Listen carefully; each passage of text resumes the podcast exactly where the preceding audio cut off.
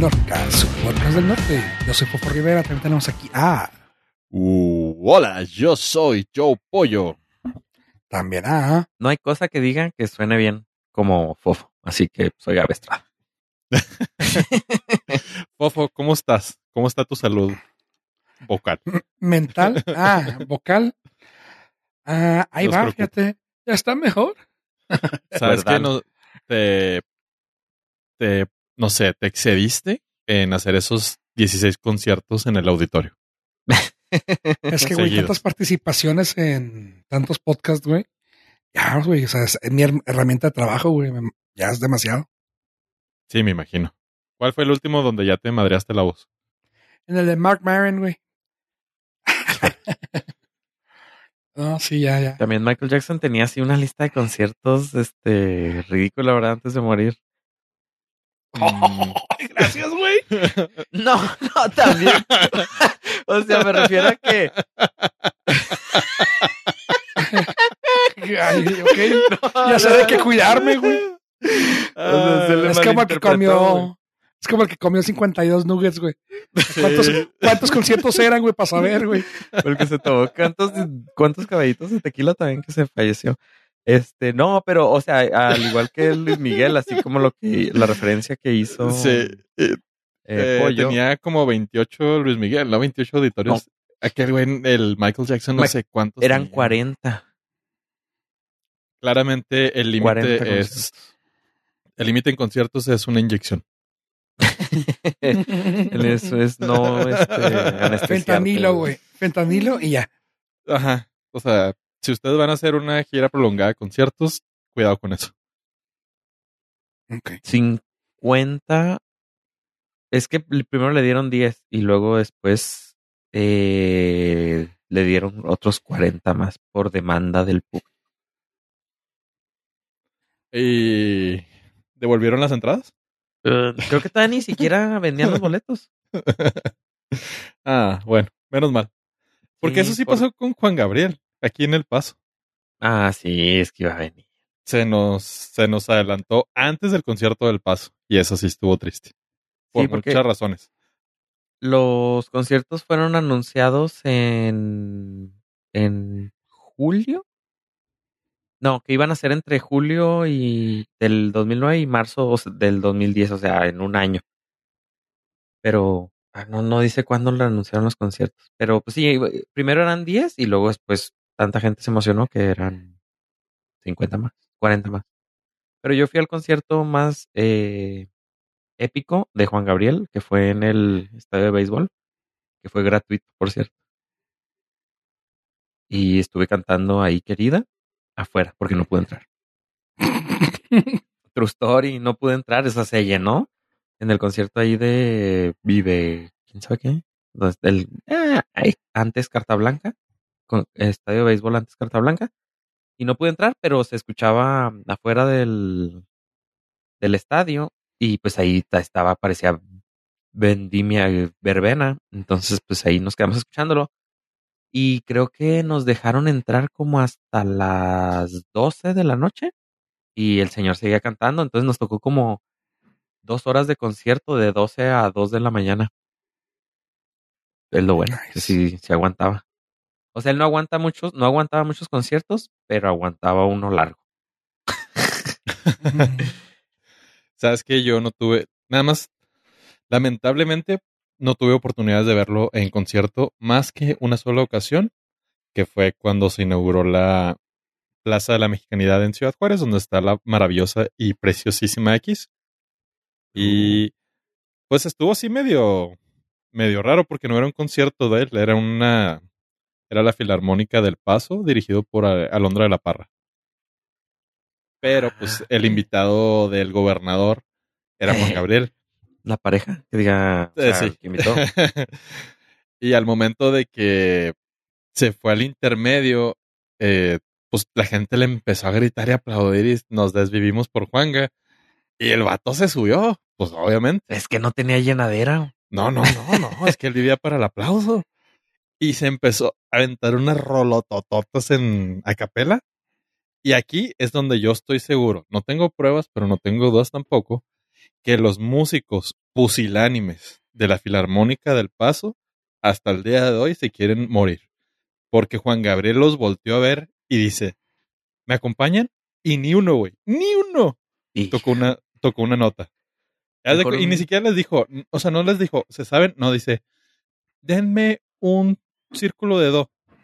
y- Y lo dice, no, nada. Y lo dice, un do chiquito.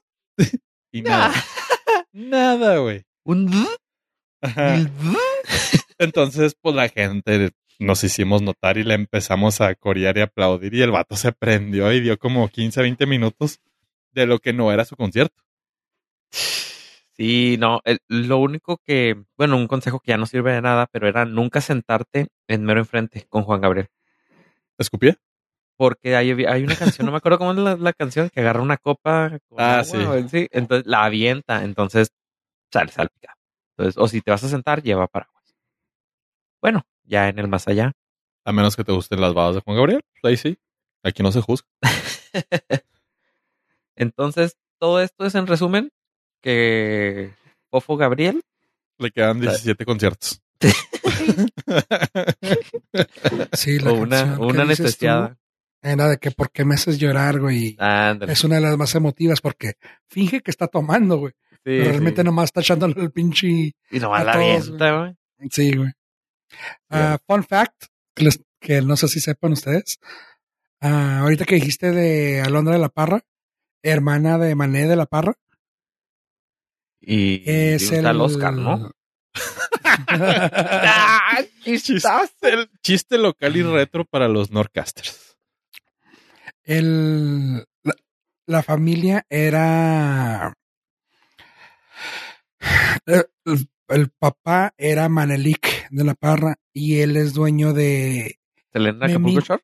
Mimin, Maneli. Memín Pinguín. Uh, O sea, y le quedó la. Pues, ¿Cómo se llama? Los derechos de autor se los quedó. el tres veces cancelado, Memín. Pinguín, ajá. El pecado de Yuki fue del papá, que también se quedaron las obras. Oye, Y Rubí. no le pierdan. Ujú, O sea, son. Ahora sí que son, ¿cómo se llama? Nepo Children, Nepo, Nepo Babies. De abolengo. Nice. No, pues no, no Mm. sabía. No, no de- sabía, pero Alondra de la Parra, qué, co- qué cobarde eres, también debiste haber salido y haber puesto a tocar a esos músicos con Juan Gabriel. Es que estaba la cancelación de Memín, güey. Tenía que cuidarse, güey. Sí. Eso es verdad. Te perdono, Alondra la Parra, pero por muy poquito. Bueno, oye, Ave, tengo una pregunta para ti. Dígame. Sí, ¿Sería soy. conveniente comprar pillofón ahorita? Eh, no sé, tú dinos. Tú es el... Volver a comprarla. Con eso de No que ahora ¿qué- qué tal tiene que ver. Las OMBs tienen ahí algo que ver. ¿Qué tal te ha ido con? No, yo me, yo me zafé. Y sabes que no fue por nada malo, güey.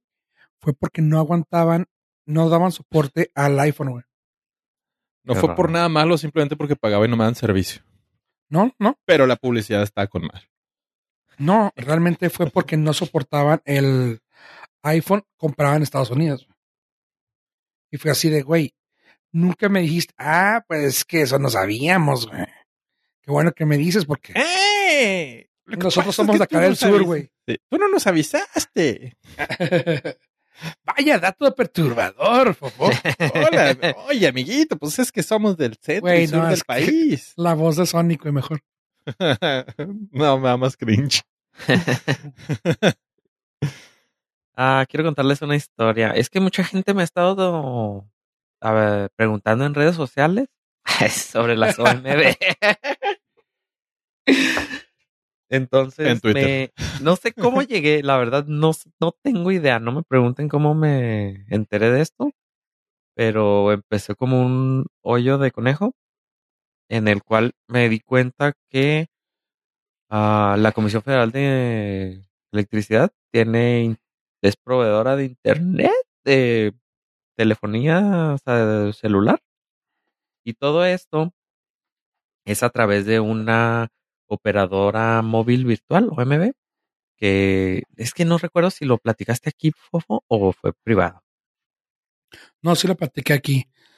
Es que no me parece, no, no encontré pillofón, pero. No, no, este, pero lo de Altán, Ajá, lo que era, aquí. que era al, ¿qué es lo que es los servicios que eh, ofrecía al, al plan, Altán. al TAN? Y me puse a investigar porque me salió la, e- ese, no sé cómo llegué al link de la Comisión Federal y lo vi que al el TAN 4 de enero daba- del 2021 lo platiqué en la zona viendo las estructuras trapezoides de la abundancia. Ok. ah, las OMB.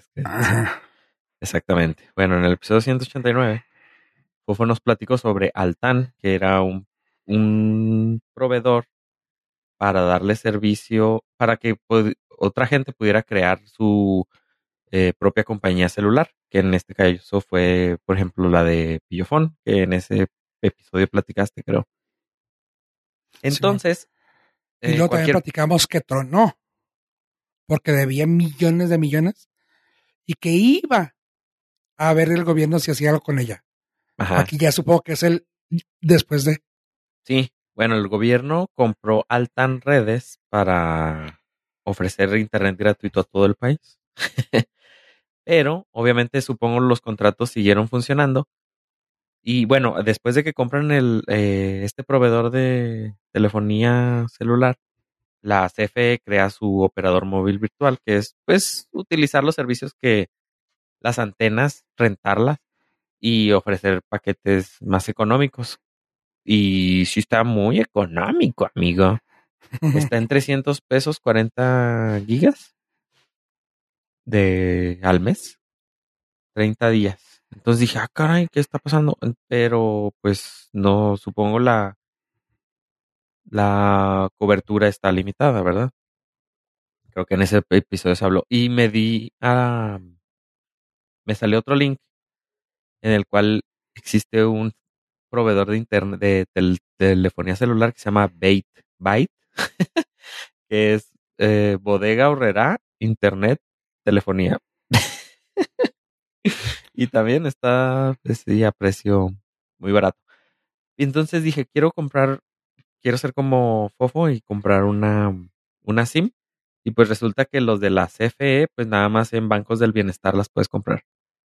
Y en todo Chihuahua, nada más existe un banco de bienestar en la ciudad más remota posible, que está pegadita ahí a Durango, que mm, ni sé pronunciarla. Y los de Bodega Horrera creo que sí están ahí en, en Bodega Horrera. Entonces, eh, pues bueno, si usted requiere de internet de bajo costo, pues sí está muy, muy barato. No sé si sea el más bajo de todo el los la gama de servicios que se ofrecen en el país, 300 pesos por 40 gigas.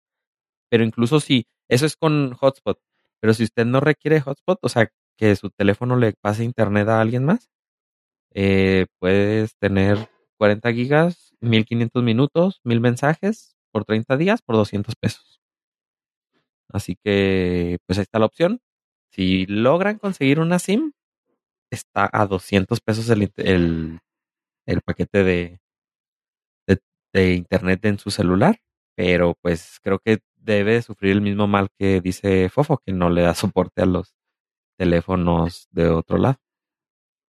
Sí, mira, ah, te pasé la liga en el documento que tenemos de Altan y ahí te está dando también los más grandes proveedores. eh, en la liga, ponle diagonal, súmate a la red y te van a salir todos los nuevos, bueno, todos los que están utilizando. Y son unas tres decenas, güey, de compañías que están añadidas a Altan Redes, entre ellas la Pillofón, Ok. el Byte, Navi, Rex, varias. Incluso te están diciendo, si quieres tener tu propia, puedes decirnos.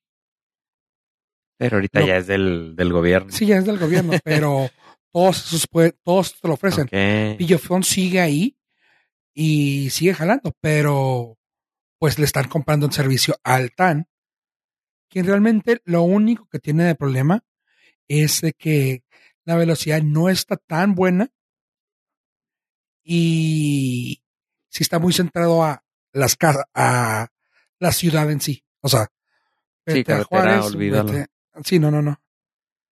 Y en Estados Unidos, pues no te agarra más que en ciertos lugares así bien remotos. güey.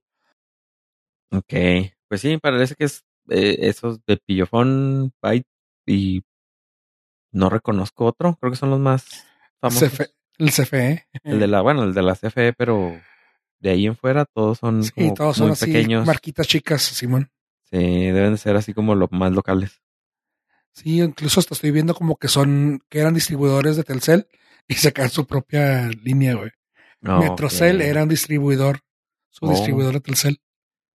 Ok. Pero pues está, está chido, o sea, qué bueno que hay opciones. Y esa es una red, como es una red compartida, ya lo habíamos platicado, pero pues por si se quieren acordar, es como en Estados Unidos, que las grandes son las que están carísimas, ¿no? Tipo T-Mobile, ATT, ah, y creo que son las únicas que quedan vivas porque entre todos se compraron. Pero luego tienes a Mint, tienes a ¿qué? A Cricket y todas esas son OMBs que están agregadas a otras. Básicamente les piden, le piden paro que a otros servicios y ya. A Mint, el que les había comentado en aquella ocasión, es el que está en la línea telefónica de Ryan Reynolds, que en sí está muy económica, pero estás ah, sosteniéndote sobre otra red, la cual siempre se le va a dar prioridad a la red original. O sea, si Mint está colgándose de T-Mobile y esa antena estás ah, sobre cupo de usuario de T-Mobile, tú que tienes Mint te va a dar la mitad del servicio. O incluso te puede, ¿cómo se llama? Cap, te puede limitar la velocidad que tengas, aún que esté disponible. ¿Por qué? Porque pues como no eres usuario directo de ellos, yo te voy a dar lo que yo les doy a, a Mint. Y eso pasa también con Altán, o sea, puede ser que esté colgándose en ese momento de, de- de, no sé, de, Tel- de Telcel, pero como no eres Telcel, tu velocidad, aunque pueda ser de, no sé, 30 megabytes, aquí te la voy a dar a 10, 5. Así que está medio eh, shady. Sí, es que la verdad yo creí que, o sea, ya la comisión te iba a dar y luego me fui así, te digo que no yo de, de conejo y resultó que era pues una operadora. Sí, cuando vi eso dije yo, oh, wow, chingón. Ajá, porque, o sea, sí, o sea, so- sonaba muy chido que, que la comisión tuviera su propia infraestructura, pero pues no. pero está barato, está barato. y también algo que me han estado preguntando muchísimo en redes es sobre, bueno, más bien, yo les quiero preguntar en redes, eh, ¿cuánto tiempo creen que dure un Oxxo sin cajeros? o sea, eh, habíamos platicado aquí hace tiempo también sobre las tiendas de Amazon que iban a estar totalmente automatizadas, en las cuales usted entraba y pues nada más escaneaba su, su código QR en la aplicación de Amazon y cámaras lo iban a estar siguiendo y usted iba a empezar a tomar los productos y se salía y los productos iban a ser cargados a su cuenta porque ya sabían quién era usted al entrar a la, a la tienda. Y pues resulta que en Monterrey, en el Tec de Monterrey, enseguidita, pusieron un Oxxo eh, que se llama Grab and Go, en el cual pues también por medio de un código QR usted entra, se este, previamente registrado, y empieza a tomar los productos, los mete en una bolsa y las cámaras o los sensores van a identificar qué productos agarró y al salir de la tienda se le va a hacer el cargo a su tarjeta que va a estar enlazada a su cuenta. Entonces, mi pregunta es, ¿cuánto creen que dure un Oxxo de esos en México? o sea, enseguida el TEC de Monterrey, pues sabemos que, que está seguro, pero pues en cualquier esquina que lo pongan, dudo que vaya. Yo siento que va a ser como un proyecto de en ciertas partes los vamos a poner, van a ser contados y se acabó. O sea, no creo que vaya a ser un proyecto de todos los Oxxos van a ser así. Ni de broma, güey. Dude, si con cajeros se roban cosas. Los O mismos sea, cajeros. Sí, no, no, o sea. No hay manera, güey. No hay manera. Aquí sí Mira. puede, aquí no hay problema que esté la caja, la segunda caja cerrada. Mira, está fácil. En Estados Unidos, aquí en la ciudad ah, vecina, ya los Circle K ya tienen un escáner que nomás llegas, pones el producto y, met- y pagas. O sea, ya no es scan. Sí, ya es el self-checkout, pero es más tecnológico porque es con inteligencia artificial. O sea, ya no tienes que checar el escanear el código. O sea, pones el vaso, pones, no sé, si hay un producto de pizza, por ejemplo, ahí que a veces venden pizza o, o sándwiches, lo pones con que se vea, ya sabe lo que es. Ok. O sea, y nomás está la morra viendo la cajera, nomás está viendo que se, que sí se está pareciendo lo que estás poniendo. Y ya te dice nomás, ah, pon, pon la tarjeta o métele el cash. Y es como que, bueno, o sea, es minimizar el error de cajero. Pero pues eh, está medio raro ese pedo. Pero tomando en cuenta que allá en Estados Unidos, pues mm, se presta que la gente sea un poquito más consciente de hacer pendejadas. Poquito, poquito. Ok, ok. Este, ajá. Y aquí en Juárez, bueno, aquí en México sabemos que eh, no me están viendo. güey. Es más, voy a sacar el teléfono, como que traigo las cosas y me voy a ir. Es más, Claro que- te estén viendo. Exactamente. Aparte creo que hay algo aquí que no estamos tomando en cuenta. Eh, los Oxxos ya casi, casi lo último que hacen es vender comida y bebidas. Ya los pobres cajeros son eh, atención al cliente de bancos, de luz, agua. O sea, ya haces muchas operaciones en, con los cajeros del Oxxo. Que eso no te lo va a hacer la máquina. Pues Sí. yo estoy en desacuerdo. Yo creo que en Ecatepec en- va a funcionar perfectamente, Buen punto. Es un muy buen lugar estratégico para comenzar esta prueba. ¿verdad? Tacubaya, güey, Catepec, Tepito, güey, todos esos güey, van a salir en chingas lugares, güey. Minnesota. No, toma en cuenta que también este, en las, o sea, lo que van a terminar haciendo es, no vamos a cobrar, pero vamos a tener un chingo de guardias, güey.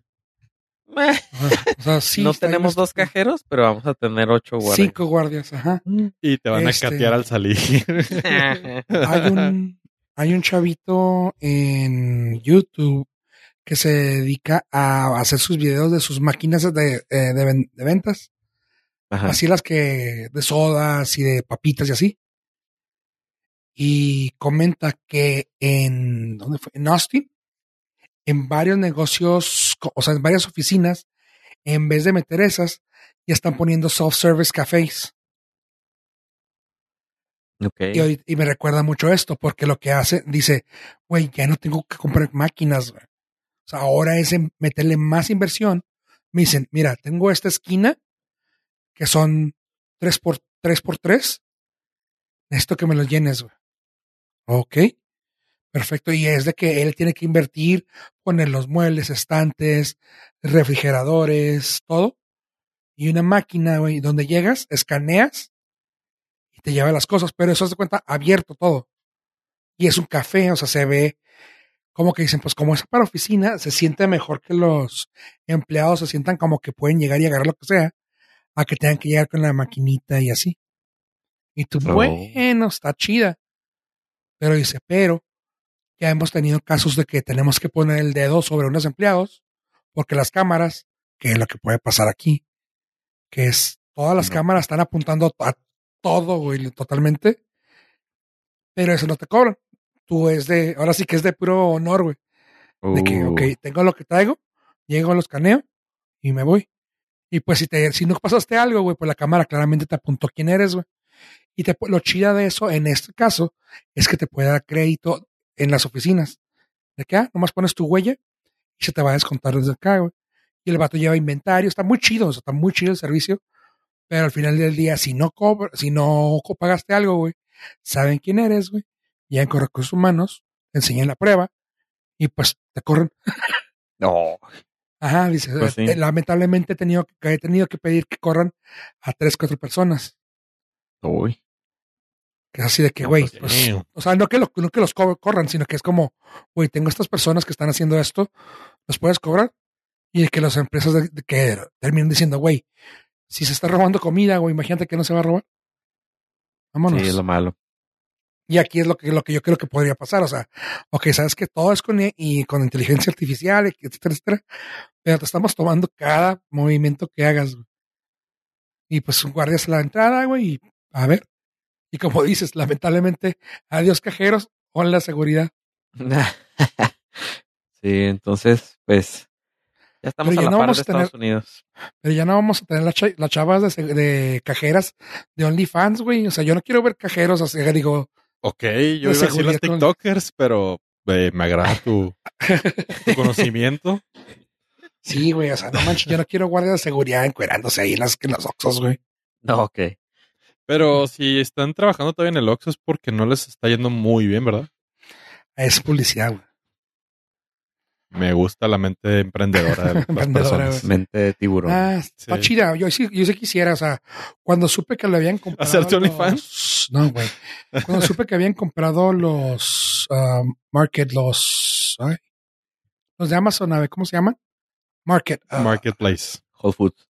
Entonces. Dije yo, ah, qué chida, güey. La van a hacer una tienda de estas. Y quería saber qué se sentía, güey. Acá que bajé la app y todo. Le dije, ah, chinga, no hay nada de eso. Y no, pues lamentablemente no tenemos nada aquí así, pero. Ah, está muy utópico todo eso. Sí, sabes que, por ejemplo, en, en Costco, Estados Unidos, sí puedes hacer eso, güey. Pero lo escaneas, güey. Lo escaneas, vas pasando, vas escaneando, y al salir, nomás le das checkout, y cuando vas a salir, nomás enseñas que hay un QR, te lo escanean y te checan las piezas y listo, vámonos. O sea, ya no tienes que pasar por las cajas. Y yo, mm, está chida, güey. Suena bien. Ajá. Y luego hay Sí. alguien con la maquinita robándote el, el- lo de las tarjetas. Ahí viene Oh, ahí. que la- En las Apple Store también puedes llegar, sacas la app, escaneas, pagas, te vas con tu producto. O sea, no Mm. necesitas nadie que te... Pero se siente muy raro. Sí, se siente como que estás que haciendo estar- algo que no. Sientes que estás robando porque no tienes bolsa. O sea, Sí, nada más agarraste el producto, con tu teléfono lo escaneaste, pagaste y te fuiste. Ay, pues en Best Buy en Estados Unidos, ya ves que antes, este- bueno, siempre hay un guardia ahí en Best Buy. Ajá. Ahora pagas y como ya no te dan nada, güey, y lo puedes pagar en la caja que sea, güey. Ah, sí, O sea- ya no te dan tickets, sí.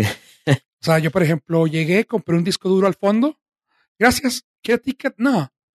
Llega y lo me da el disco así, el disco así yo, oh, este, ajá. Y Pues ahí, te lo juro, iba de enfrente como me lo entregó, güey, así con la mano enfrente. Y lo, gracias, buen día. Yo, ok. O sea, sí te siento así como que, eh, Sí, sientes que eh, estás robando. Ahora, hay algo también aquí interesante que va a entrar al debate, pero no, probablemente no por parte de nosotros, porque no somos personas eruditas ni preparadas. Sin embargo, el consumismo responsable también depende del cliente. ¿Qué tan dispuestos estamos a orillar a la apresurada pérdida de empleos? Esa es una parte muy importante porque el cliente, el consumidor, siempre va a tener el poder.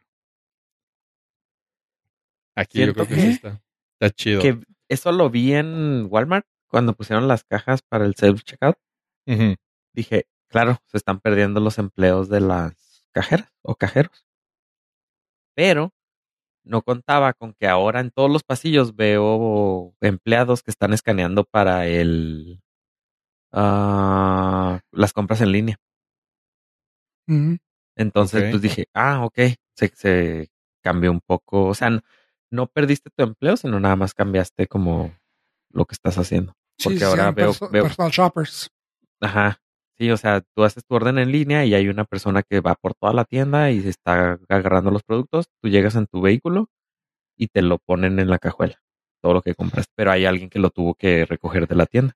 Entonces, Porque es lo pues, que eh, es el debate que se comenzó cuando inauguraron el primer McDonald's donde no te atendía nadie. Obviamente la, la comida la seguían haciendo humanos, pero ya no tenías contacto con ningún humano.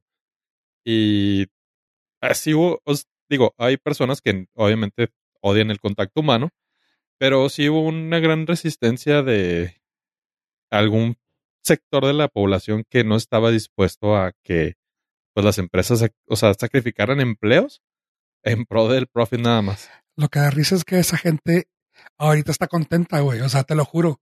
Yo también dije, nada, no mames, yo prefiero tener contacto con alguien en los cajeros de Walmart, güey. Y actualmente yo prefiero llegar, escanear todo e irme, güey. No, yo sí soy de los que sigue yendo a la fila del cajero. No. 100%. Ah, depende. El otro día también sí fui por el cajero, pero no me acuerdo por qué.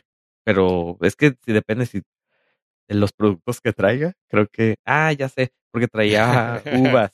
Entonces dije, ay, no, qué flojera ponerme a buscar el código, el- eh, ponerme a, a pesar las uvas. Nada, que las pesen ellos.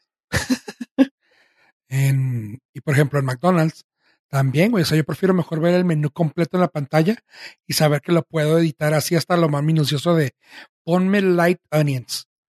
Ah, sí, eso sí, es súper cómodo eso. Lo que no me gusta, o sea, ahí está, ahí está el juego de eh, lo raro, ¿no? Lo que no me gusta es no tener la opción.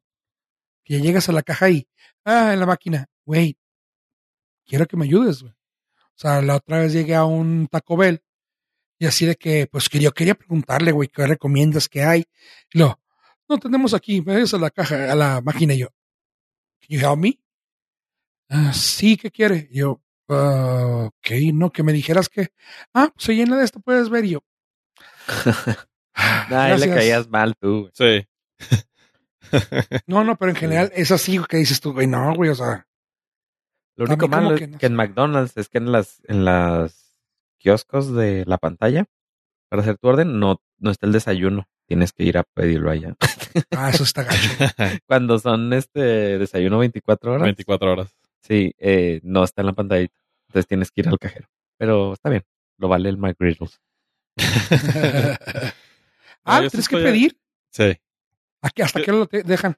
24 hours, algunos. Sí, pero es que, o sea, sí, algunos, al- no todas, no todas las Ajá, no todas las, las sucursales. ¿Cómo Ajá. sabes? Preguntando. Preguntas. Ese es, lo- ese es el punto, porque si llegas a, a la pantalla a escoger, no está el menú del desayuno ahí. Pero si ellos lo ofrecen, Ah, Solamente el cajero te lo puede. Chingado, güey. Sí. La otra vez fuimos así como que a las 11 y no había nadie. Ma, Sí, a las 11 es la transición a la comida. Sí, pero si 11 les o- preguntas, puede 11. ser que todavía lo sirvan ellos. Mm. Y si es 24 horas, pues solamente ellos. No las Si es que a las 11 ya empieza el lunch. Qué peso, es una payasada, se pasan de lanza. Sí. Oye, ¿no saben que los mexicanos desayunamos a la hora que sea? Si es la primera No. comida, es desayuno. Pon tú, yo Change sé my que no, todos los McDonald's ofrecen desayuno el, todo el día. Pero los que no lo ofrecen deberían dejarlo como las 12, una. Oye, es el almuercito. No, yo sí estoy en contra. Tienes todo ahí, mamón. No necesitas, no necesitas ir a secuestrar un camión para traer los ingredientes específicos del desayuno. Ahí los tienes. Ponlos. O sea, Sí, lo, lo mejor es que, ir a un Walmart que tenga McDonald's y luego a las 11 pedir desayuno con un jugo de naranja y pues ya compraste la champaña ahí en McDonald's y tu mimosita ahí. Uh, tu bronchito. y broncheando. Bien, bien fino, bien fino. ¿Eh? ¿En McDonald's? y luego en el, en el Instagram de FitFam. joven, joven de, joven latino se vuelve loco en McDonald's. se encuera. ¿Qué? No, no, estás con los seniors en tu brunch con tus mimositas. Ah, está, está, está interesante, está chido el debate. Yo sí, yo sí todavía soy un romántico que digo que el consumismo ah, responsable puede ayudar a que el- sigan existiendo trabajos por más tiempo. Es que los Es- es trabajos inevitable. están, güey. No es inevitable, pero ah, Es incluso aquí también en Juárez, güey, también lo hay. Ya también no sé si los has visto tú, Ave, en Walmart México. No. Que también vas caminando y andan caminando un chingo güeyes ahí en los pasillos y tú, ah, cabrón. Y ves que están echando cosas a los carritos. O sea, dices tú, ah, qué chido, güey. O sea, pues no están quitando jale, nomás están tra- transicionando, güey. Y está Eh, chido. de- depende, porque mira, yo escuché un podcast de la experiencia de un güey que dice ser cajero es el puesto mejor pagado de Walmart. Y a lo mejor si ya no eres cajero, pues ya no tienes el puesto mejor pagado. O sea, así es como el- la pirámide de trabajos que ofrecen. No te van a bajar el sueldo, güey, si ya estabas de cajero. No, pero te pueden correr y contratar a alguien nuevo por un sueldo menor. O volverte a contratar por menos. Sí, sí, por favor. Corporativismo. Sí, cambio, 101. cambio de administración. Sí, y corren a todos y vuelven a Hasta parece que no has trabajado en aerolíneas. Cambio de antigüedad. Eh, Empieza la antigüedad. Vámonos. Sí, chi. Ahora no somos Walmart S.A., somos Wal-Mart S.A. Y ya. Acabamos de iniciar el día de hoy. Bienvenido a su Bienvenido primer a su día de trabajo. A su día uno, aquí está su llavero. Sí. Clasiquísimo. ah, muy bien, chavos. Ya ven, ya ven cómo Se son. el mismo gerente se pone, se pone mostacho, güey, falso, güey. ¿no? Los lentes esos que traen como narizota, güey. Hola, ¿qué tal? Yo soy Falfredo. Alfredo, eres, eres tú, güey. No, soy Falfredo. Y es el único güey que está en nómina gringa. Sí, güey. Qué raro. Justo eso. Oye, pero bueno, hablemos de cosas chingonas. Y estamos hablando de un señor que duele en el, en el cocoro, güey, que no haya querido hacer una gira con sus ex compañeros de trabajo, güey. Pero la está partiendo bien chida. Y estoy hablando de Alfonso Herrera. Pollo, ayúdame con esto, por favor. Poncho, nuestro homeboy Herrera. Y ahora entiendo eh, definitivamente porque ya mandó a LB, a Rebelde. Y pues sí, digamos que sigue, es el único que tiene trabajo mejor, más reconocido, más eh, desafiante. Y puede decir, RBD fue ayer. Yo vivo en el hoy. Carpe diem. YOLO, güey. Se dice YOLO, güey, cualquier pedía. No, no, no, no. Es que tú, tú eres un salvaje, güey. Aquí estamos en el, en el aspecto espiritual y romántico de todo. Como Poncho Herrera, que hizo el aspecto espiritual y romántico de Batman, es una podcast novela que recomendamos en el episodio bla, bla, bla, hace unos ayeres. Eh, que está increíble. O sea, el podcast está fantástico. Y la neta, yo me aventé un episodio en inglés. Dije, ah, está chingón me lo aventé en español con este güey y no mames. Me súper enganchó durísimo el podcast. Eh, novela, porque es que es, es radionovela, o sea, no, no puedo, no puedo. Es radionovela y así se va a quedar para siempre para mí. Porque ya, ya, ya estoy grande. Güey, nosotros somos ventaneando, güey. Tú diciendo eso, güey. No, güey. Sí, Es no. una podcast. No, no, no, es una radionovela formato podcast. Ya, se acabó. Ah, y está increíble, son 10 episodios, lo pueden encontrar en Spotify. Probablemente si el señor productor quiere poner la nota aquí, el link para si les da flojera buscarlo, pues ahí nada más le pican ahí en el, en el hipervínculo. Aquí Sí. se habló, se habló en este podcast en el 255, el 11 de abril del 2022. Que Para que Poncho vean. Herrera iba a ser Batman. Y que también yo te Y- había dicho de lo de y lo fue. Que también dije, Wolverine es una fregonada. Y a ti te encantó el español. Y yo te dije que el inglés también estaba súper riata. No, es que en No español tenía a. Perdóname, pero en español tenía a Cosío. Güey, en inglés tenía a. Jaque mate. No, no me acuerdo de quién era, güey. No, no, no, no. Nadie le gana a Cosío. Jaque mate. Güey, para empezar es de Juárez. Uf. 656. Es canadiense, güey. Mm, su pasaporte dice otra cosa. Ah, Pero- ah, la voz. Ah, Batman Desenterrado es eh, el podcast que está disponible en Spotify. Es, sí, es Spotify exclusivo. Ah, son 10 episodios. Está muy, muy, muy, muy perrote.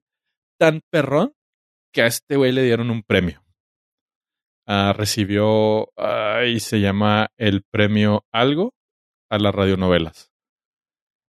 Lo cual estoy muy contento porque neta sí se aventó muy buen jale. Y es una de las razones por las cuales este güey en verdad dijo que no necesitaba hacer la gira. O sea, tiene mucho trabajo eh, por delante. Ser el mejor Batman de radionovelas eh, es, sin lugar a dudas, uno de sus mayores prestigios. Y hasta que se enteró James Gunn de esto y lo cortó. Ajá. No pegó el chiste, güey. Pues es que Sí. si ustedes este, no ponen de su parte, no, esto no. va Los premios Ondas que se los dieron al podcast de Spotify de este güey. Ah, Pone que no es tan reconocido el premio, pero. No, no, claro que no, pero está. no, muy no, pero sí está muy chido, güey. O sea, está más chido que viajar por todo el mundo con tu grupo, güey, donde No, está eres más chido que uno de pasar, seis güeyes. está más chido que pasar tiempo con gente que no te cae bien. Ajá. Punto. Sí, o sea, yo lo dije, yo lo dije aquella vez que lo platicamos, donde una morra, güey, piensa que sigue siendo la chingona y tú estás rompiéndola en Hollywood, güey, y en podcast y en series, güey. Eh, creo que creo que vale más mi currículum ahorita que el de- que el tuyo, mujer casada con un político. Sí, no, no, durísimo. Los premios Ondas Globales entregados en España eh, durante este año. Definitivamente, siento que a lo mejor si hubieran reconocido más la- el trabajo de este güey, que a lo mejor hubiera sido parte de RBD, pero eh, yo sí estoy con él de que fue lo que fue. Fue un evento que marcó su época RBD a nivel internacional. Pero ya, dude, ya. Ya, eso es como el tío que pone sus películas cuando era joven y estaba fit. No, ya, dude, ya. Ya estás viejo, gordo y acabado. Déjame. Y sin voz. Ah. que la chinga. Por no reírte de mi chiste. Este, Oye. Pero sí, eh, denle una oportunidad al- a la radionovela de Batman Desenterrado. Súper recomendadísimo. Yo no suelo recomendar muchas cosas en este podcast. Esta le doy 10 de 10. Excelente. Perfecto. Y así como te fuiste en nota alta, pollo, quiero empezar con las notas bajas de las recomendaciones y no recomendaciones de esta semana. La no recomendación es una nomás. Salió una película de, de Kevin Hart y John Travolta. John Travolta, al igual que Bruce Willis, han estado sacando películas a lo güey como para juntar dinerito y retirarte. Y esta es la de Die Hard. Perdón. Die Hard se llama. Haciendo el juego a la película de Die Hard, claramente. Pero aquí, pues, con el apellido de Kevin Hart, dijo, ay, jajaja, vamos a ponerle Die Hard. No quiero hablar más de lo que se merece. La película es una comedia, acción comedia. Horrible. Horrible. O sea, no que no, no, no logro decir qué tan mala es. Malísima. Kevin Hart, John Travolta, Natalia Emanuel, Gene Reno, que no sé cómo se prestó, y Josh Hartnett. Son los nombres que más se, cono- que más se conocen. Este, la película es malísima. El, la sinopsis es básicamente Kevin Hart la está haciendo de Kevin Hart. no, no, es que es en serio. Kevin Hart la hace de Kevin Hart. Pero ya tiene rato haciendo la de Kevin Hart, ¿no? O sea, es, es como Jason Momoa y este. No, no, es que literalmente él es Kevin Hart en la película. güey. Él es él. Ah, que le hacen la comedia de que, ah, es que tú te juntas mucho con Dwayne Johnson. Eres las reír de Dwayne Johnson. Y que le hace hacer muchas pendejadas así. Y el güey de que, güey, yo puedo hacer más cosas. Yo puedo hacer uno de acción. No, güey, no puedo hacer acción, güey. Puedo ser leading man. No, güey, no mames, no tienes poder para eso, güey. ¿Cómo no? Güey, es una película de acción. Y haz de cuenta que le hablan, no sé, eh, los Wachowski, güey, o los de, los de John Wick. Ah, pues, ¿quieres hacer una acción? Vente con nosotros. O tienes que hacer una escuela de. Tienes que ir a la escuela de acción. Y el maestro de acción es este güey, el Travolta. Travolta es otro papel, ¿verdad? Pero este güey sí es Kevin Hart. Así de que lo pasan por pendejadas, pero está, güey. O sea, te das cuenta que aunque quiera decirlo de broma, güey, realmente no tiene rango de actoral este güey. O sea, es el de dar risa, güey. No se la crees que esté molesto. No, no, o sea, no le crees nada. güey. Tiene 4.6 en IMDB y 60, que creo que son los compas, güey, de Kevin Hart en Rotten Tomatoes y 27 de audiencia. güey. Wow. Si tengo que ser sincero, me quise dar la opción de verla, güey. Dura una hora 18, güey. Creo que exactamente le di los 18 minutos, güey. O sea, fue, güey, no la puedo seguir viendo, güey. No mames, güey, o sea, bueno, la voy a ver porque sale el Natalia Emanuel. No, no puedo verla. Bueno, sale Jean Reno. No mames, no puedo tampoco. Adiós. La quité, güey. No, qué pude, falta de profesionalismo. Yo sí espero mejor el review completo cuando veas la hora completa. Sí, cuando venga este alguien, alguien que le guste sufrir, güey. No, de de plano no pude, güey. O sea, está en, creo que está en Amazon. Sí, no la vean. Ni O sea, gratis. No, honestamente no. No vale la pena.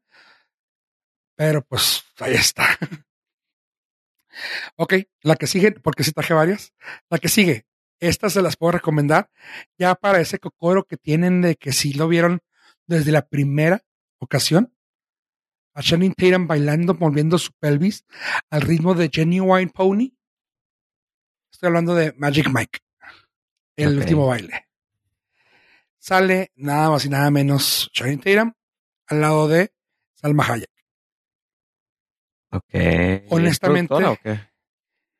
Ah, Siento no, que es película tipo que ella produciría. ella le metió lana. Sigue siendo de Steven Soderbergh, o sea, Ah. perdón. No, no, Eh, pues el director, pero de productora, de que ella le haya metido la. Puede ser, güey, porque sí suena como que, ándale, quiero bailar con este güey. Ajá, sí. Sí, porque sí le dieron mucho lugar, igual y le metió lana o algo, pero no alcanzó a ver nadie de productor famoso, así que. Ah, no puedo verlo porque está en IMDb, pero Pero, tengo que pagar. ¿Tengo que pagar? Sea, ni por la película. Sí, sí es productora, güey. sí, Ah, no, está en el cast, perdón. Ajá, no tuve que pagar y estoy. producer Salma Hayek. Ah, sí, ahí está. Ah, cabrón. Tandy Newton. Órale, güey, no sabía. ¿Qué cura? ¿Por qué le metió lana? ¿Quién sabe? Pero sí, ahí está. Producers. Sharon Tatum. Sí, pues bueno. Este. La película está buena. O sea, es lo mismo que hemos visto anteriormente. No le llegaron al precio, supongo que a sus ex compañeros de baile. A Matt Boomer, a. ¿Cómo se llama? Manganiello. Como que sí fue una. Como, como que sí fue de. No nos alcanza, güey, pero vámonos allá A cerrar ciclo. Ajá, a cerrar ciclos allá lejos, güey, y contratamos a pinches güeyes de Cris. Arre. Pues es que nomás- o sea, en realidad, no ma- nada más necesitas a los cuerpos espectaculares y ya. O sea, ne- o sea, tienes al actor principal y nada más Sí, necesitas a así poner- gente que baile precioso. Eh, con un Sí, cuerpo se volvió a poner en forma este güey. Eh, no trae tanta forma como anteriormente has tenido, como porque pues se había dejado ir y ahorita pues tuvo que ponerse otra vez en forma. Trae muy buen cuerpo, pero no el que tra- ha traído anteriormente. Sí, el problema que tuvo fue un problema de garganta, por eso ya no está en forma. Ok. ah, no funcionó ni. Híjole, tardé, tardé. Te dejé morir, te dejé morir. Tampoco, güey, pegó ese, güey. Ya, ya dejamos morir apoyo. Seguiste tú. Ahora por eso no morir estoy a con chistes, güey. Ajá. Más que mi Ah. cara, más que mi cara y voz. ah, eso sí pegó. Este, Magic Mike. Eh, sí, es está la chida. voz, es la voz. Es lo mismo, básicamente. Es lo mismo, la misma fórmula. Nada más que aquí este güey ya no voy a bailar nunca. Salma Hayek le dice, bailame perra. Ok. Con dinero le aventó el dinero en la face. Literalmente le dijo, güey, bailame. Ah, ok. Le dijo, bueno, bailas tan chida que te voy a poner un lugar para que metas a la gente a bailar. Pero yo no puedo. no Ten más dinero. perro. Ah, ok, perfecto. Listo, y ya. O sea, se, re- se repite todo. Hacen una obra, hacen un solo para mujeres, pero en obra. Y Te listo. dije. eh, El episodio pasado dije, todos tenemos un precio. Channing Tatum volvió a bailar por una feria. Y, y Sí. si le paga más, se vestía ahí de lo que quisiera. y está chida y me dio gusto ver a Salma hacer un papel más sexoso como lo llegó a hacer con Quentin Tarantino, güey. Nomás Ok. aquí no le, no le tomaron foto a los pies. este, Y traía- Tú sepas. Traía un- una serpiente. no, en esta ocasión no, güey. Iba a, Está decir, más delgada, iba a- ¿verdad? iba a decir la especie Pues- de la serpiente, pero ¡ih! estaba demasiado corriente. Pues hasta ahí está más, ahí ahí está Tatum, güey, pero Sí. Eh, coralillo. no, ya no sale, ya no salió Kevin Nash, güey, así que ya no puede salir eso. El- ese güey sí salió Kevin Nash, O sea, sí salió Matt Boomer, salió, salió- este Manganiello. salió, salió Liam Neeson. Oh, Ah, pendejo. cancelado, cancelado, güey, no puede. bueno, pues. Eh, el Joe Manganiello, que se- de hecho se tenía su nombre de Big Dick Richie. Pero bueno, este, no salieron, nomás salieron así como sus caras y, ah, qué mal pedo que no nos invitaste, nada, no podemos. Ah, bueno, ándale, pues bye. Metan a bailarines pendejos de Francia y de Italia. Ah, ok, listo. ¿No le pierde las almas? ¿Eh? Tiene 5.5 en IMDB. bueno, güey. No, no, se nota, se nota que es el tipo de películas que ella pagó para disfrutarla. güey. Sí, sí, sí. Eso es para así como que, a ver, me sobró esto del tax return. ¿Qué voy a hacer? Me la va a pasar a toda madre. Quiero hacer esta película. tiene 50 en frescura, bueno, en tomatómetro, y 74 en audiencia. Mira, 50 O sea- sombras de Grey tiene 4.2. Pues es que está Me buena, explico. o sea, eso está en medio, o sea, así de que Ajá, o sea, si la ves, le subes y le bajas, si no la ves, le bajas, güey. O sea, sí, está o sea, chida, para hacer güey. una película así, pues, eh. Ajá. Sí, y voy subiendo. La que sigue, que no sé si Pollo la alcanzaste a ver, la de Plane. No, todavía no. La tengo en el tintero para el fin de semana que ya pasó. La Bueno, tiene, ¿cómo se llama? La tiene en la En la fila. fila de despegue. Ah, Pero qué hijo Chido. Esto. no está bueno el este, chiste. Sí, sí, sí. Manteniendo en corto. Este, ok, Plane eh, está ahorita actualmente en las tiendas, más no quiero hablar de más, quiero ver en dónde estás y ya está. Ah, plano, plano. Plano, ok. Uy, alerta extrema en español. No está ninguna, no está ninguna cos- tienda. Cosas de la vida, sí. No, no está. Ah, yo pensé que estaba en Prime Video. Fíjate. En la noche de fin de año, el piloto experto Brody Torrance, Gerard Butler, realiza un arriesgado aterrizaje cuando su avión, repleto de pasajeros, es alcanzado por un rayo. Así que se, que se voltea, ¿no? Y, ater- y aterriza. En, Y luego le hacen un río. juicio porque Ese es otro que tomado. Ah, ok, ok. Sí. De Perdidos en hecho, medio de una ese, isla. ese fue un compa. Perdidos en medio de una isla devastada por la guerra, Torrance se da cuenta que sobrevivir al vuelo ha sido solo el principio de una terrible aventura de peligros. Uh, El piloto debe usar todo su ingenio para llevar a cabo a los pasajeros sanos a su destino. Sale Gerald Butler y Mike Colter. Mike Colter, el que salía en. Ay, ¿cómo se llama esta serie de, de Marvel? Que era. Ah, Mike Colter. Colter. Perdón, no me acuerdo. Ah, bien. Luke Cage. Luke Cage, ajá. Este güey y Gerard Butler hacen muy buena mancuerna. O sea, es una película de acción completamente. Me gusta, y es lo que yo, yo le recomiendo apoyo. Me gusta mucho los primeros 20 minutos de la película que tiene que ver todo con la aviación. Me gustó que no fue fantasioso, güey. O sea, no fue tan. "Ah, Eso no pasa, güey. O sea, lo estás viendo y, o sea, yo me acuerdo más o menos así de que, ah, ok, si pasa eso, si hacen esto, si pasan esto no consiguieron un, avión de verdad. Me da mucha risa que le ponen como que tuviera a la puerta trasera esa que, se baja como en escalera, pero debajo del avión. Y, ah, chinga. Ok. Como cositas así que dices tú, bueno, eso no, pero todo lo que tiene que ver con prácticas de cabina, todo eso, dices tú, ah, órale, qué chingón. Sí está muy así. Ya cuando pasó lo que tenía, lo que iba a pasar, es de, ah, la madre. Ok. No le esperaba, pero pues sí, ya no se lo dije, apoya hasta que la vea para que sepa qué pasa. Pero está muy chida y hacen muy buena mancuerna estos dos cabrones. Y está chida. Se llama Plane. Si la encuentran, la encuentran en su tienda más cercana de películas y series. Ajá. Tiene 6.5 en IMDB, 77, me sorprendió eso. En Sí, está muy, está súper bien 94. catalogada. Para hacer de acción, está muy bien. No, no, para ser de Gerard Butler está muy bien. Sí. Sí, porque últimamente todo lo que ha hecho Real Butler está medio pedorro. No, neta, o sea, el ¿Sí? vato, el vato se empezó a agarrar un ritmito de, no sé, tipo Nicolas Cage, así que, oye, tengo, acepto. Oye, Sí. acepto. Pero no sé, Ok. acepto. Bueno, para esto vas a, vas a hacer un recompensas que vas a tener que capturar a tu ex esposa. Jalo. ¿En qué me metí? Sí, este. Y realmente estoy viendo lo que han escrito los. Ahora sí, que los escritores. Y no hay mucho, o sea, realmente son nueve sones haciendo cosas. Y es muy buena película, o sea, sí es una buena película de acción. Así que Si la quieren ver, ahí está. Plane. Y ahora, algo que me duele darle gus- gusto apoyo.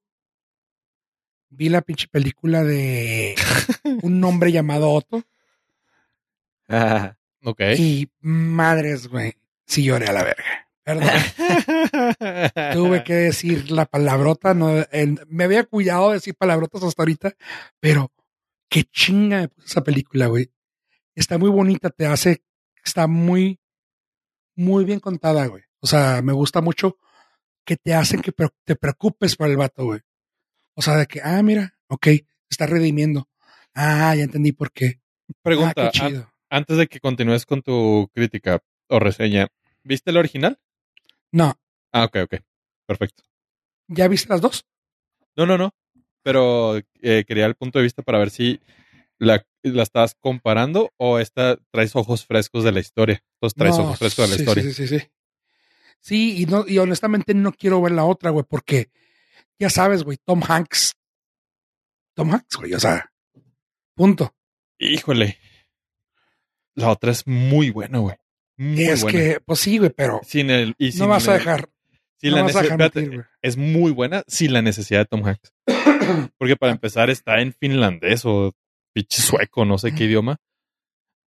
Este, Pues que imagínate, güey, con muy Tom. Hanks todavía, güey. sí, está muy tropicalizada y eso se me hizo muy chido que el vecino, bueno, los vecinos son mexas y eso se me hizo bien perrote. Simón. Sí, está muy chida. O sea, ¿allá de dónde eran americanos o qué? No, eh, te digo que él es creo que de Suecia o de Finlandia. Sí, sí, sí, pero ya que son. Y, y llegan iraníes. Ah, ok. Y es así como que, no, pues los pobres que no saben nada y, o sea, pues sí, muy, muy, muy como acá. Sí, sí está, sí está muy bien hecho. O sea, ah, la actuación de Tom, pues claramente está genial, güey. Eh, Mariana Treviño, güey, aunque siga teniendo el acento de Club de Cuervos, güey, está cabrona, güey. O sea, la quieres, güey, la quieres a la hija de la fregada. Y hace un papel muy chida. O sea, no, o sea, honestamente la película está 10 de 10, güey. Me cabe, ca- me cabe decir, güey. Sí está Qué mucho. chido. Qué chido. No pensé, Sí. uno, no pensé que tuvieras corazón. Dos, no pensé que ese corazón sintiera. Tres, no pensé que te fuera a gustar esta película. Cero. No pensé que la fuera a ver. Sí.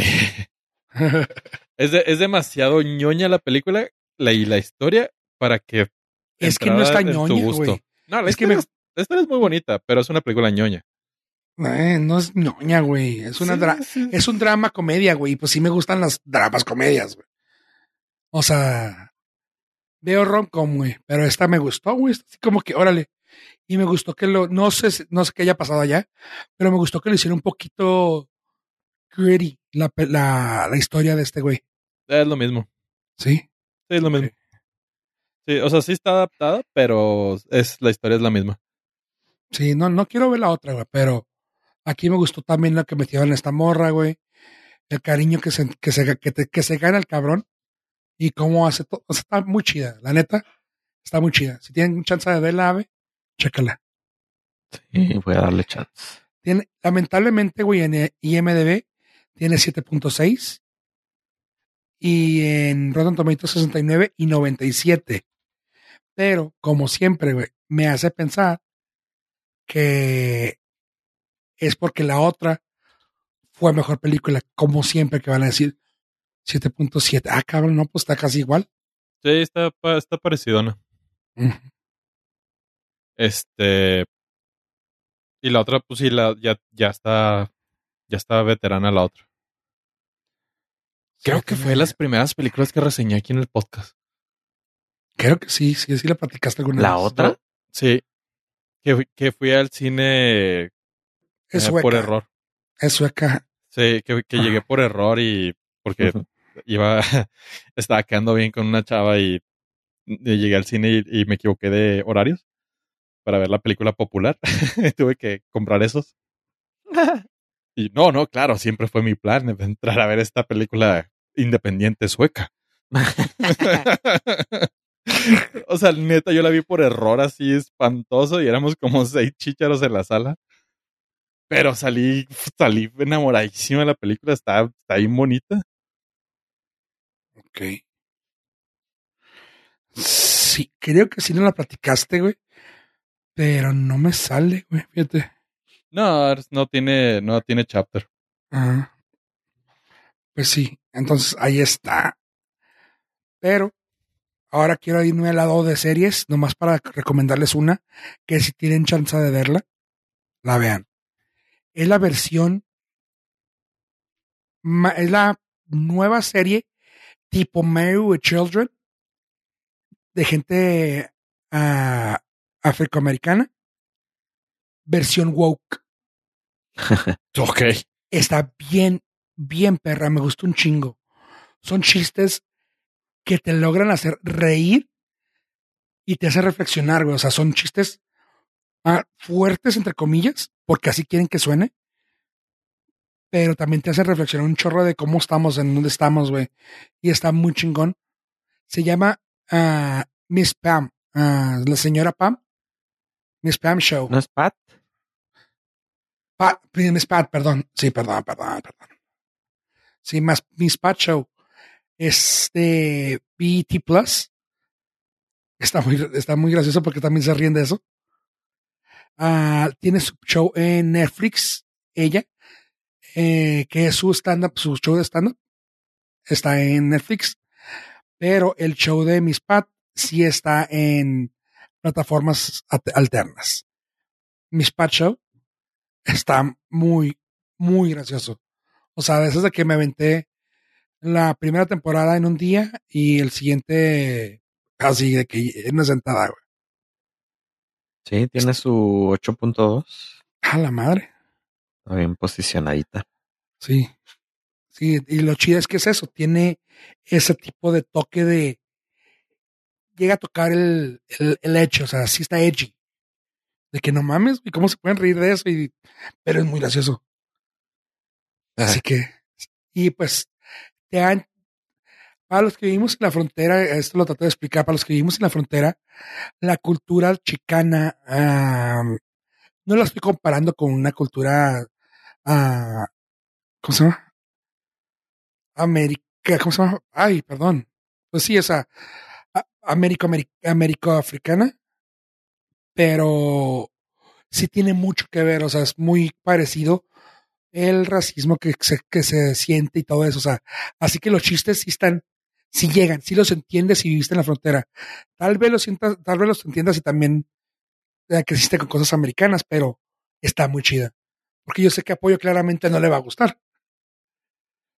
Pero está chido. ¿Quién sabe? ¿Quién sabe? Soy muy fan de Family Feud.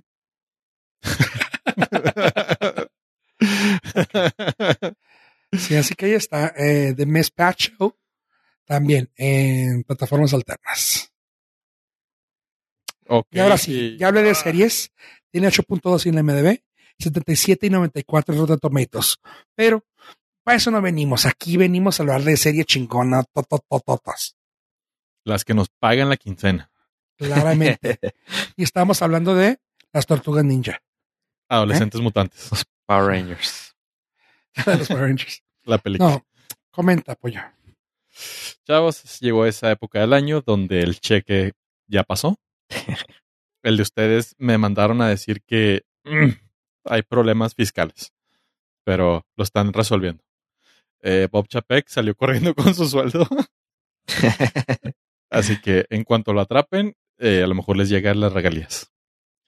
Sin embargo, pues a mí sí me toca hacer eh, la del portavoz de Disney y recomendarles platicar de esto y, híjole, simplemente expresar mi contento y emoción de que el Mangolorian temporada 3 es una maldita realidad. Al fin. Todo lo mejor pasa en marzo. a partir de marzo. Ah, acaba de estrenar episodio 1, temporada 3, Mangolorian, el regreso de Pedro Pascal, El regreso de Grogu. el regreso de Grogu. Hay algo bien chido que está, tenemos una sobresaturación de Pedro Pascal, pero bajo ningún argumento ni momento es queja, güey. El vato la está rompiendo con madre. Sí. Su único descalabro sigue siendo 1984 de Wonder Woman, pero no importa. Se lo perdonamos. Este episodio con el que abren la, la nueva temporada está bien chido. ¿No es el mejor? No. Ah, ¿Tiene cosas raras? Sí. Tiene un momento donde todos los ñoños que vimos Rebels gritamos de la emoción. También. Ah, cosas destacables. Hay mucho espacio, muchas peleas espaciales. Hay mucho Grogu. Ah, Grogu otra vez vuelve a tener ese. ah, como esa esencia de, de bebé niño. Lo cual también está así como que. Ah, mira, va a matar a alguien con sus poderes. Con su ternura. Sí. y pues es- eh, Mando es, es con madre, o sea, es, es el villano, bueno, no es el antihéroe bien perrote, es el Bounty Hunter que tiene corazón, pero al mismo tiempo dispara y mata a 10 personas y dices, "Mm, sí, me parece justo. Enfrente de su hijo. Enfrente de su hijo, claro. como debe ser. Cosas destacables, nuevamente, eh, esto va de la mano de John Favreau y aquí lo que se me hace bien perrote es que también eh, como escritor regresa George Lucas. ¿Qué? Entonces, híjole, ¿Está? esto es más Star Wars que Star Wars mismo. Es como todos, haz de cuenta, yo lo pondría con este ejemplo, a ver si, si es buen ejemplo o no, pero ustedes me dicen. Es como ir a jugar, como si George Lucas fuera a jugar boliche y John Favreau fueran los protectores de los canales para que no se salga la pelota, la bola, y siempre sea chuza. Eso es, o sea, no hay pierde. La magia de George Lucas protegido de con John Favreau para que sus locuras y estupideces no arruinen todo. Sí, tiene lo mejor de los dos mundos porque la producción es de Disney y con todo. Todo el varo, la boda. Ajá, y, y, y el toque, o sea, la edición y todo bien hecho, basado en lo que escribió este señor. Creo que en es lo que, en lo que lo este güey trae, en- ajá, lo que este güey trae en la mente del- de lo que es el universo de Star Wars. Ajá, y ya tiene así como que la libertad, no tiene presión. Tú, al momento que, que le dieron totalmente rienda suelta a John Favreau para encargarse de Star Wars. Una de las cosas que él peleó más fue que George Lucas regresara. Y esto es una cachetada así con guante de hierro para Lady Palpatine, a.k.a. Kathleen Kennedy. Que Es sigue, que imagínate, sigue ahí. o sea, no tiene que preocuparse de cómo producirlo, de cómo hacerlo, de nada. O sea, yo lo escribo y páganlo. Sí, Está súper cómodo porque así le da rienda suelta a la verdaderamente creativa. exactamente. Nice. Qué fregón. Y lo aparte, qué raro para mm, George Lucas estos personajes nuevos, porque no sé si él algún día los Es- Este- Está familiarizado, güey, con ellos. sí familiarizado, pero o sea, pues es él inventó Star Wars, pero él no inventó estos personajes. No, no, eso voy, o sea, no está familiarizado con ellos, o sea, Ah, sabe que existen porque pues supongo que ha de seguir la historia, ¿verdad? pero es de, ¿y esta cuál es? ¿Qué motiva a, no sé, güey, a esta morra la, a Boca Catán, güey, ¿qué la motiva? Ah, pues es que perdió su gente. Nada, deja tu Boca Tan, Grogu. O sea, Grogu, pues no sé si ya existía en su mente que existe. No, No, claro que no. O sea, no, pero aquí lo que está cura. bien bonito es que tanto John Favreau como Dave Filoni eh, le, le consultaban todo a George Lucas. Entonces, dentro de lo que cabe, sí está familiarizado porque tiene la bendición de él. Todo lo que han hecho estos dos güeyes ha tenido la bendición de George Lucas al principio, tras bambalinas, porque no les querían. ah, George Lucas era, entre comillas, el apestado. Pero ahora que estos güeyes ya tienen el verdadero control y el poder, decir, "Eh, George, vente para acá. Quiero que seas escritor. sí, pues sí, ya estaba un paso. Sí, durísimo. Y eh, entonces dicen, o sea, no es que sea un conocedor, pero sí noté muy diferente este episodio a todo lo que había sido las otras dos temporadas. No sé Sí. si tenga que ver eso. Probablemente, probablemente porque eh, no sé si tú lo sentiste así, pero se sintió un poquito más infantil programa televisivo. Pero Que es algo que le gusta mucho a George Lucas, eh, los personajes caricaturescos. Sí, pero aparte lo sentí así súper Star Wars, más Star Wars que Star Wars. Ajá, más, más aventuras Sí, piu, piu, lo, piu lo espaciales. sentí, ajá, sí, lo sentí muchísimo así, pero dije, ok, pues ya es otro giro, pero no. Ahora ya sé por qué. No es queja. Ajá, no, no, no. Tenemos el callback de un personaje muy querido e inesperado del episodio 9, lo cual está bien perrote. Oye, ¿y qué, ¿con qué gritaste porque viste Rebels? Ah, hay una escena cuando está en el hiperespacio. Las Que está-. Ajá.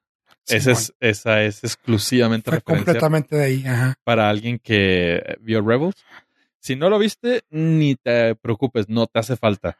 Ajá. No necesitas ver nada ni pero saber los nada. que lo vieron. ¿por qué pero los que lo vieron fue regalo de Navidad adelantado. ¿Por? Porque, eh, uno, la primera es que, bueno, es de las pocas cosas que Dave Filoni creó en la caricatura que ahora ya son parte del live action. Y dos, eh, es como la antesala para lo que va a venir con la serie de As- Ashoka Tano y Ezra Miller. Ezra Miller, no. Ezra. Ezra Miller, ok, Ezra aventurado. en el eso. Flash, el Flash va a regresar, entonces va a ser, no, con Ezra, que es el personaje principal de Rebels. Simón. Ok, ok. Está, Oye, entonces todo está cuadrando ahí. No vi dónde decía que había sido el escritor, güey. Ah, lo puedes ver en su página de IMDb. En es el que episodio. todos, es En que todo sale, güey. No, no, Sí, todo que- lo Mandalorian está hecho por él. Ajá, es que él es, es escritor de Pero Mandalorian. creo que no está, no, creo que no está él, güey. Tú, tú tenme confianza. Mis fuentes, mis fuentes de no solamente son del IMDB. Ah, y como te digo, todo, todo, todo lo que ha hecho Dave Filoni y Sí, está pasado por él. está pasado y aprobado por él. Lo cual, pues, eh, era muy complicado antes cuando estaba bajo el emporio del emperador. Pero todo, todo, todo lo que ha hecho Filoni y, y Favreau tienen el sello de aprobación porque ellos siempre respetaron a George Lucas como el creador de Star Wars. Y eso está bien padre.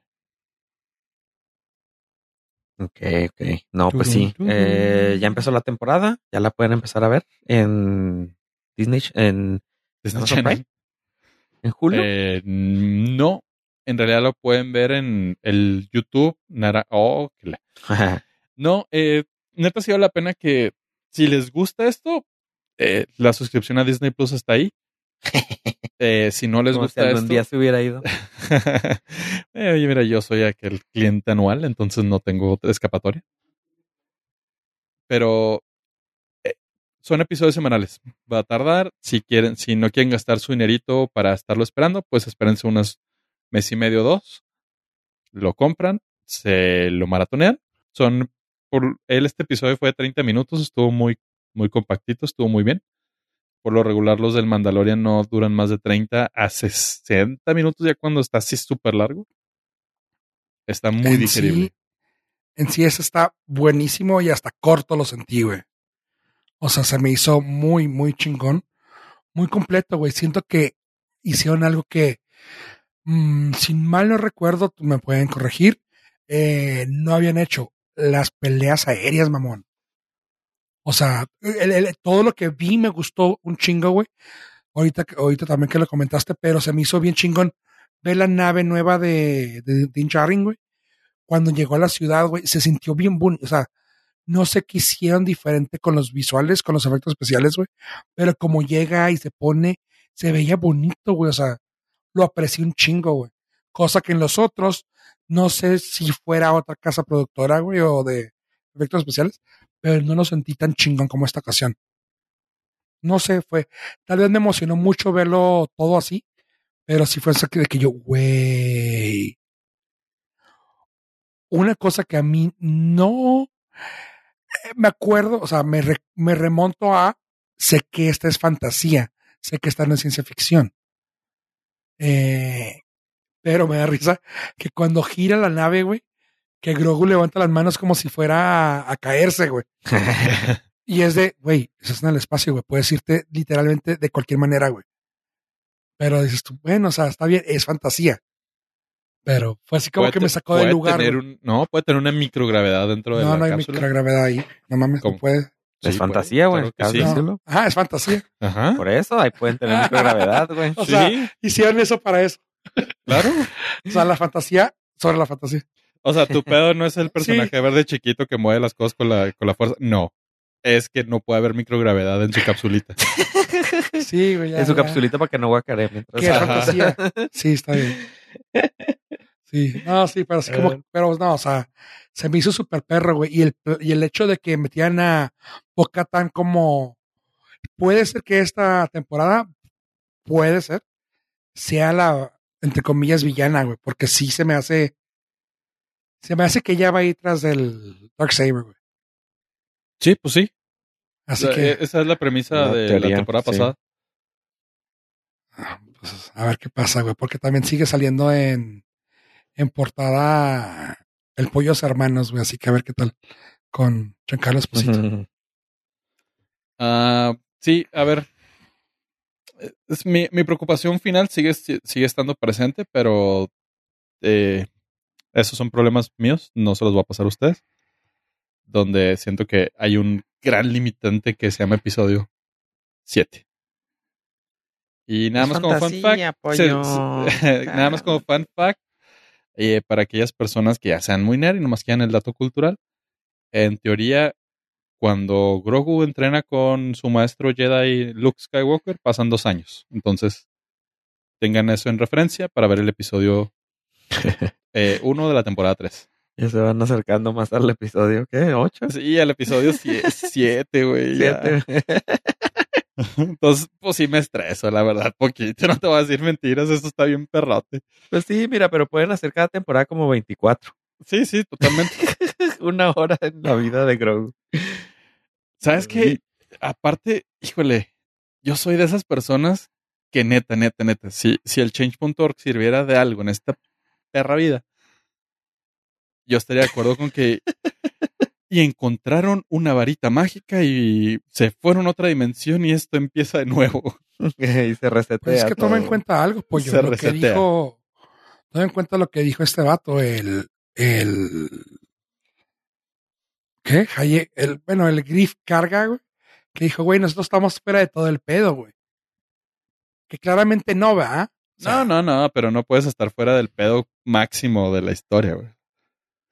Pues sí, güey, pero, o sea, es No. una galaxia, güey. Es una galaxia. Varias que- galaxias. güey. Es una, no, es una galaxia que está centralizada. Por eso son el Outer Rim, el Inner Rim y todo.